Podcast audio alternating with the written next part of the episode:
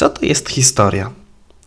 Poszukiwanie odpowiedzi na to pytanie będzie stanowiło cel dzisiejszego odcinka. W przestrzeni publicznej mówi się często o tym, że dawniej to było tak albo tak, albo jeszcze, że za moich czasów to było lepiej. Innymi słowy, w przeszłości działy się pewne rzeczy, o których wiemy, że się po prostu wydarzyły. Ale z kolei skąd to wiemy? Raz, że ktoś nam o tym powiedział. Ale kto? Rodzic, babcia, dziadek, kolega, może zawodowy historyk. Ale zawód historyka nie występuje powszechnie, bowiem jest to specjalizacja, którą podejmuje tylko część społeczeństwa. Wszystko tak naprawdę sprowadza się do pytania postawionego na początku: co to jest historia? Ale do niego należy dodać kolejne: po co jest historia? Aby odpowiedzieć na wszystkie pojawiające się pytania, postanowiłem sięgnąć do różnych tekstów kultury, zarówno stricte historycznych, jak i tych współczesnych. Za konieczne bowiem uważam odnaleźć pewne elementy wspólne, które pozwoliłyby zbudować definicję w pełni oddającą sens słowa historia. Chociaż też zdaję sobie sprawę z tego, że może być to trudne. Historia sama w sobie łączy wiele różnych dziedzin – jej interdyscyplinarność stanowi przeszkodę, którą postaram się pokonać. Zapraszam zatem na kolejny odcinek elementów historii. Odnalezione i zanalizowane teksty kultury podzieliłem na kilka grup. W tym momencie skupię się na pierwszej z nich, do której zaliczyłem powiedzenia, aforyzmy, sentencje i cytaty. I może zacznijmy od czasów starożytnych.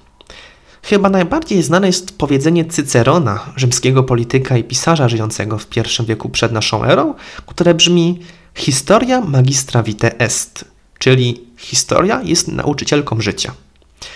Przyjrzyjmy się temu stwierdzeniu. Historia stanowi tutaj nauczycielkę, a właściwie jest osobą, która uczy innych. Ale czego uczy? Życia. A cóż to jest życie? Jest to aktywna egzystencja, tak to ujmijmy. A zatem historia jest nauczycielką tego, jak aktywnie żyć.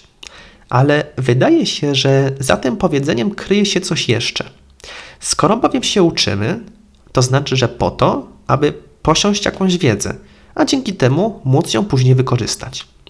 Historia mówi nam o błędach naszych przodków. A teraz przyjrzyjmy się innej postaci.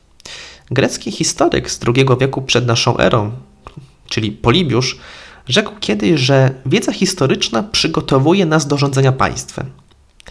Jeżeli przyjrzymy się temu stwierdzeniu bliżej, to dojrzymy pewną zależność. Wiedza, czyli w tym kontekście znajomość historii, przygotowuje przyszłych polityków do rządzenia państwem.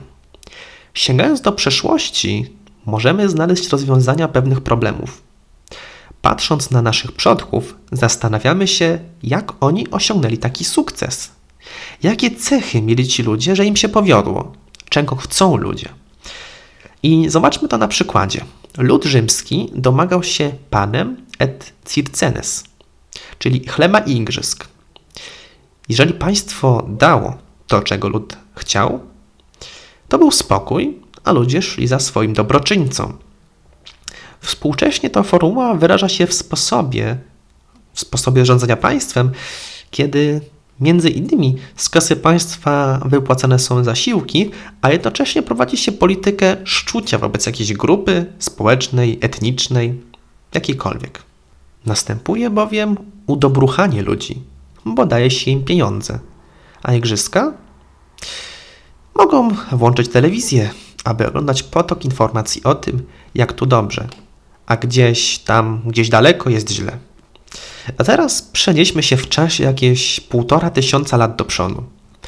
Papież Pius II, a właściwie Eneasz Syliusz Piccolomini, rzekł, że historia ukazuje nam, jak źli ludzie kończą marnie, a dobrym szczęście sprzyja.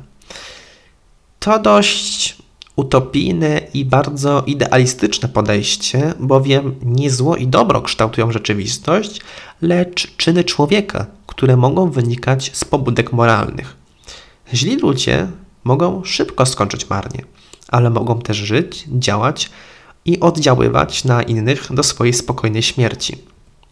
Może to będzie ostry przykład, ale czy Stalin skończył marnie? Oczywiście, w jakimś sensie tak. Leżenie w kałuży moczu nie należy z pewnością do najprzyjemniejszych uczuć. Jednakże Stalin przeżył 74 lata i w gruncie rzeczy nie skończył marnie. Pamięć o nim trwa nadal. Czy dobrym sprzyja szczęście? To też niezbyt poprawne stwierdzenie. I chociażby historie męczenników chrześcijańskich mówią o tym, że nawet dobre postępowanie wiąże się z wielką agonią, która w gruncie rzeczy nie przynosi żadnych konkretnych rezultatów. Dobro nie uratowało ich od bolesnej śmierci. Święta Agata Sycylijska została poddana karze, w wyniku której obcięto jej piersi. Święty Sebastian został zastrzelony z łuku. Przypadki takich męczenników można mnożyć. Rzecz jasna nie twierdzę, że nie warto robić dobrze. Uważam, że jednak warto robić dobrze, mając jednak poczucie tego, że czyniąc dobrze, wcale nie trzeba umierać. Słynny włoski myśliciel Niccolo Machiavelli miał kiedyś powiedzieć, że historycy opisują szczegółowo pewne wydarzenia, aby potomni mogli posłużyć się ich przykładem w podobnych okolicznościach. Jest to rzeczywiście nawiązanie do poprzedniego cytatu papieża Piusa II. Trzeba jednak pamiętać, że nie każde rozwiązanie z przeszłości, które zostało przeniesione i za zaadaptowane w teraźniejszości, zadziała. W socjologii w takim przypadku mówi się o negatywnym wpływie tradycji, który wyraża się w postaci stagnacji. Świat nieustannie się zmienia i przenoszenie pewnych rozwiązań z przeszłości może być dobre, ale musi być w jakiś sposób dopasowane do zastanej sytuacji. Oczywiście, kiedy ludzie się buntują, można do nich strzelać, ale mając tu wiedzę o tym, jak takie sytuacje się skończyły, trzeba zdawać sobie sprawę z tego, że nie zawsze pewna idea czy pewien cel może zostać zrealizowany w ten sposób, który kiedyś, dawniej był zrealizowany i się powiódł. Co miał na myśli Johann Wolfgang von Goethe, kiedy pisał, że pisanie historii jest sposobem na uwolnienie się od przeszłości? Przyznam, że ten cytat wydaje mi się trochę sprzeczny. Pisanie historii, czyli utrwalanie jej w postaci materialnej, pozwala na to, aby ciągle do niej nie wracać, bowiem raz zapisana rzecz będzie trwała znacznie dłużej niż przekazywane ustnie podania, które przekształcają się z każdym kolejnym pokoleniem. Od przeszłości nie możemy się uwolnić i nigdy się tak naprawdę nie uwolnimy. Ta przeszłość wyraża się w tradycji. Kultywujemy pewne wartości, które zostały nazwane i opisane w czasach starożytnych, zaś my poruszamy się w pewnym systemie symboli kulturowych oraz w ogóle w kulturze. My, Europejczycy, my, Polacy, my, Dolnoślązacy. Kiedy wyjrzymy przez okno, widzimy po niemieckie kamienice, gotycką katedrę, jakiś manierystyczny budynek. To wszystko to przeszłość materialna, która ostała się jako dowód tego, że przed nami żyli ludzie, którzy wyznawali pewne systemy wartości, mieli określony gust, budowali w określony sposób, wierzyli w określone wartości. Pisanie historii to nie jest uwalnianie się od przeszłości, lecz uwalnianie się od konieczności ciągłego jej powtarzania. I właśnie tych Pięć cytatów z różnych okresów historii pokazuje, że przede wszystkim koncentruje się ona na przeszłości. Jest to pewna wiedza, a zatem jakiś zasób informacji, którego poznanie miałoby pozwolić na zrozumienie tego, co działo się wcześniej i w domyśle pozwolić działać w przyszłości, wiedząc, co było dawniej. Niektórzy wymagają od historyków tego samego, czego wymaga się od wróżbitów przewidywania przyszłości, ale na podstawie tego, co działo się w przeszłości. Nie jest to możliwe. Bowiem odrzucając zarówno jakieś finalistyczne i fatalistyczne koncepcje dziejów typu klasyczny ewolucjonizm, materializm historyczny czy teoria cykli dziejowych, trzeba uznać wyższość czwartej teorii podmiotowości i stawania się społeczeństwa, bowiem to społeczeństwo kształtuje swój byt, a dzięki temu możemy badać to społeczeństwo, które było kiedyś również wszystko to, co to społeczeństwo wytworzyło. Czyli tak naprawdę badamy ludzi w przeszłości. Czyli robimy historię. Dziejów nie da się zamknąć w kodzie zero-jedynkowym, a następnie napisać programu, który by wszystko przewidział. Czasem ludzie naśladują to, co było dawniej, pewne rozwiązania, ale antycypowanie wszystkiego nie jest możliwe. Możemy zastanowić się, czy pewne sytuacje, które wydarzyły się wcześniej, dadzą w przyszłości ten sam rezultat, który dały kiedyś. Ale to nie jest tak, że mając określoną sytuację A i określoną sytuację B, zawsze uzyskamy wynik C. Nie. Dlatego, że historię tworzą ludzie, a na ludzi wpływa znacznie więcej czynników niż nam się może wydawać. I czasem człowiek podejmie jedną decyzję, ale z kolei ktoś, kto żyje 200 lat później, mając przed sobą ten sam dylemat, może wybrać zupełnie inne wyjście.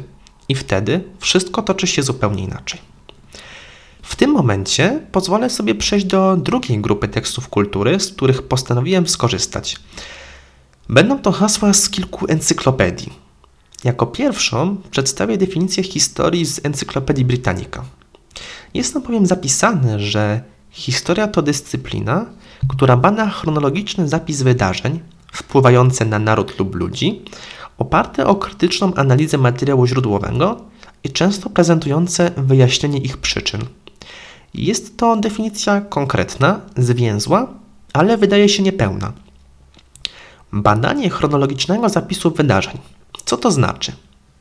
Historyk najpierw taki zapis musi w ogóle wydobyć ze źródeł, które poddaje krytycznej analizie. Dopiero kiedy zdobędzie pewne informacje, które poddał już weryfikacji i ułoży je zgodnie z kolejnością ich powstania, może je badać dalej.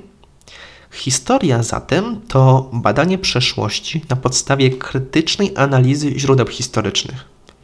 I tak można by dopełnić definicję z Encyklopedii Britannica. Ale teraz cofnijmy się jednak w czasie jakieś 200 lat. W 1808 roku została wydana druga część pierwszego tomu słownika języka polskiego Samuela Bogumiła Lindego. Tam też zostało umieszczone hasło historia, pod którym czytamy, że jest to opis dziejów. Historia na to jest, iżby rzeczy tylko godne widzenia podawała ku wiadomości. Ponownie, jest to opis, czyli zapoznanie się z jakimś materiałem w domyśle źródłowym i opisanie tego, co się tam znalazło.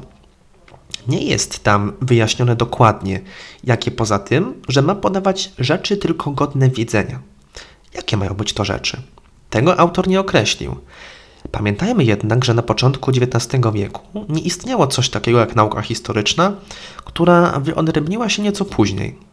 A hasło słownikowe ma dawać tylko pewną informację. Zaś na ówczesnym etapie, kiedy historii jako osobnej dziedziny nie było, wydaje się ona wystarczająca. Protoplastą współczesnej historii, a właściwie jednym z protoplastów, był Joachim Lelewel – Zajął się on nią w sposób naukowy, to znaczy formułował twierdzenia i wyrażał je przy pomocy pojęć, tworząc spójny system. I w tymże systemie ujął definicję historii w dwóch znaczeniach szerszym i węższym. Kiedy bowiem sięgniemy do jego sztandarowego dzieła o tytule Historia, tudzież o łatwym i pożytecznym nauczeniu historii z roku 1815, odnajdziemy dwie definicje. W szerszym znaczeniu historia obejmuje te wszystkie widoki, które tylko w czasie i przestrzeni doświadczenie ludzkie uderzają. Wszystko to opisując lub opowiadając. Raz opisuje okoliczności w swoim wspólnym trwaniu będące, drugi raz opowiada w kolej czasu po sobie następujące. Węższym zaś opisuje to, co się w pewnym miejscu i oznaczonym czasie z ludźmi następnie działo. W gruncie rzeczy mamy powtórzone informacje z poprzednich tekstów. Po raz kolejny pojawia się informacja, że historia opisuje to, co działo się w pewnym czasie i przestrzeni. W dalszej części tego dzieła Lelewel wspomina o źródłach, klasyfikuje je. Zasadnicze jest stwierdzenie, że historia obejmuje te wszystkie widoki, które tylko w czasie i przestrzeni doświadczenie ludzkie uderzają. Innymi słowy, opisuje fakty będące skutkiem doświadczenia. Nie jakieś fikcyjne historie, tylko faktyczne, rzeczywiste, realne. Te, które miały miejsce i z których pozostał jakiś materiał. Kolejne hasło historia zostało umieszczone w Encyklopedii Powszechnej Orgelbranda, tom 7 z roku 1900. Jest to definicja obszerna, więc wybiorę jedynie konieczne jej elementy. Historia. Z języka greckiego historio, opowiadać, jest odtworzeniem czasów ubiegłych w żywym słowie.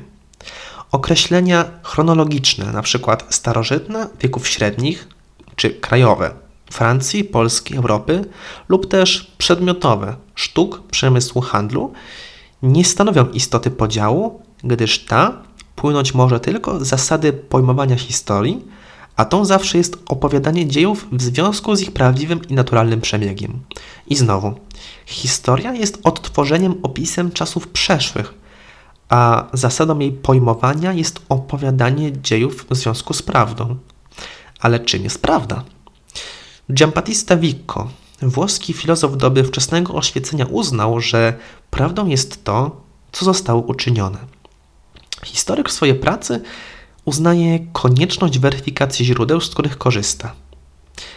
Jeżeli dane źródło zostanie uwierzytelnione i uznane za prawdziwe, a zatem uznajemy, że treść z niego płynąca to prawda, wówczas historyk rekonstruuje przeszłość. To jak on to zrobi, to inna sprawa. Zasadnicze znaczenie ma jednak to, że wracamy tutaj do elementu wspólnego wszystkich poprzednich definicji opisu przeszłości.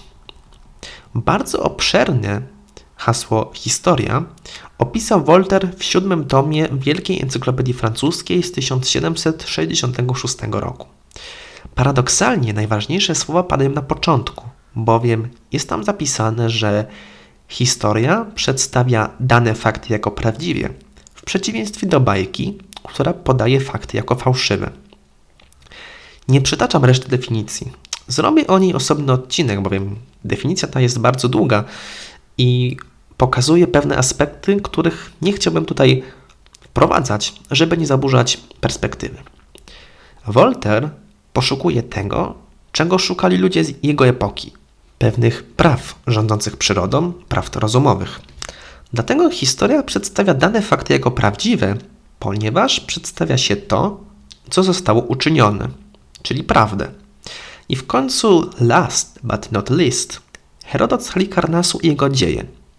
Jak tam bowiem zapisał, oto przedstawienie badań Herodota z Halikarnasu. Badań, czyli dowiadywania się pewnych rzeczy, dochodzenia i osiągania jakiegoś stanu wiedzy, który jest potrzebny, a właściwie jest konieczny. Zatrzymajmy się na moment, ponieważ doszliśmy do ważnego momentu. Dzieło Herodota nosi nazwę Dzieje, ale w takim razie jaka zachodzi różnica między pojęciem historia a pojęciem dzieje? Otóż dzieje to wszystko to, co się stało za pośrednictwem człowieka. To wszystko to, co człowiek zrobił od czasów najdawniejszych. Historia zaś to badanie tychże dziejów. Stąd też przeszłość powinno nazywać się dziejami, a ich badanie historią. To, co zostało zapisane o dziejach i jest analizowane przez historię, nazywa się historiografią. Mamy zatem trzy definicje, które są podstawą warsztatu historyka. Dzieje, czyli wszystko to, co człowiek uczynił od czasów najdawniejszych. Historię, czyli nauka, która zajmuje się badaniem dziejów, analizą źródeł i prezentowaniem wyników tejże oraz budowa narracji przyczynowo-skutkowej. A to, co zostało zapisane na temat dziejów, innymi słowy, to, co zostało zbadane i zostało poddane zapisowi, nazywa się historiografią. Trzecia grupa tekstów kultury, które pragnę poddać analizie, to wszelkie znaleziska z sieci. Tam również znajduje się wiele ciekawych rzeczy, do których warto nawiązać. I tutaj sięgnę, że tak powiem, po sąsiedzku, bowiem interesującą definicję historii sformułowali dr Jakub Węglosz oraz profesor Paweł Klint z Instytutu Historycznego Uniwersytetu Wrocławskiego w pierwszym odcinku podcastu tegoż instytutu. Sam podcast nosi nazwę Czas przeszły niedokonany Naszewskiej, który oczywiście gorąco polecam. I w tym momencie oddam im na chwilę głos. A więc, Kuba, czym jest historia? I o tym chcieliśmy porozmawiać. Historia zajmuje się badaniem działań i wytworów ludzi. To nauka o ludziach, o ich życiu, o tym, co robili, jak żyli, czym się pasjonowali, jak pracowali. Dobrze, jesteśmy zgodni co do tego, że historia jest nauką o przeszłości, o ludziach w przeszłości, a więc tym, w jaki sposób funkcjonowali ludzie w przeszłości. Taka definicja w gruncie rzeczy też jest dobra. Powiem, jest to ciekawe spojrzenie, bowiem z wyliczenia również można wyciągnąć element wspólny. Kiedy wpisze się w wyszukiwarkę Google What is History, otrzymamy kilka kolejnych definicji, których wspólnym elementem jest to, że jest to nauka badająca przeszłość. I takie ujęcie może być wystarczające, ale nie do końca. Historia to badanie zmian w czasie, które dotyczą wszystkich aspektów społeczeństw ludzkich mówi jedna z definicji przetłumaczona z języka angielskiego. To też interesujące ujęcie wskazujące na inne rozumienie, bardziej ewolucyjne, bowiem historia to też badanie zmian, albo raczej porównywanie pewnych rzeczy i stwierdzenie, że nastąpiła pewna zmiana. No, nie wiem, co autor miał na myśli pod hasłem zmiana, ponieważ ona z kolei może być pozytywna lub negatywna. W każdym razie zmiana to jest po prostu przejście z pewnego stanu rzeczy do innego.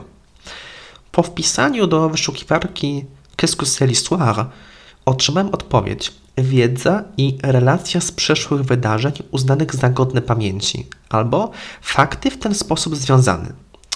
No właśnie, tylko kto uznaje, co jest godne pamięci? Historycy? To oczywiste.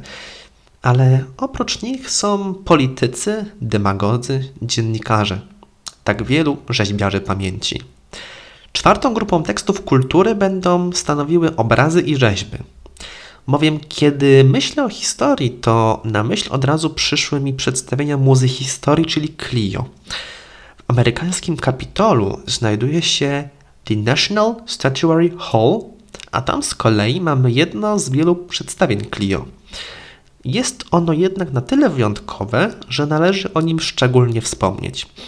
Muza ta jest przed, przedstawiona ze swoim kluczowym atrybutem, czyli zwojem.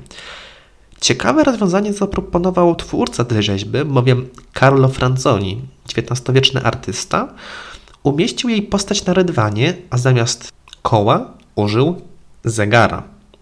Wnosi to podwójny efekt. Muza historii, oprócz tego, że patronuje badaczom dziejów, to jednocześnie wskazuje, że najważniejszy jest czas, a właściwie rzecz ujmując to przeszłość, bowiem historia opiera się na czasie, na przeszłości, na tym, co było. Muza nie patrzy przed siebie, lecz lekko w tył, jakby była świadoma tego, że to, co jest za nią, ciągle ma wpływ na to, co jest teraz. Nie kończy się, tylko trwa. Motyw zwoju, pergaminu czy też książki odnosi się do faktu, że historia bada różne źródła, głównie pisane. Badacze zaś piszą, czyli tworzą kolejne teksty, z których korzystać będą kolejni badacze. I tak od wynalezienia pisma, a nawet wcześniej. I cykl badań się zamyka. I tak też dobrnęliśmy do końca tego odcinka, w którym próbowałem naświetlić definicję historii, korzystając z wielu różnych źródeł, i mam nadzieję, że to się udało. Bo jak zauważyliśmy, w zależności od tego, jaką definicję przyjmiemy, nacisk kładzie się na zupełnie inne akcenty, które chociaż w pewnym stopniu się ze sobą łączą. Ale przede wszystkim historia bada dzieje, czyli wszystko to, co uczynił człowiek. Uczynił. Czyli to, co już było i co jest już zamknięte chociaż w pewnym stopniu oczywiście ma wpływ na to, co jest teraz i to nie ma wątpliwości. W każdym razie odcinek o pamięci, który też kiedyś zrobię, będzie pewnym dopełnieniem tego, czym jest historia. Bowiem pamięć w historii to jest już zupełnie inna, no właśnie, historia, czyli jeszcze jedno znaczenie słowa historia. W każdym razie dziękuję za wysłuchanie tego odcinka i zapraszam na kolejny. Pozdrawiam serdecznie.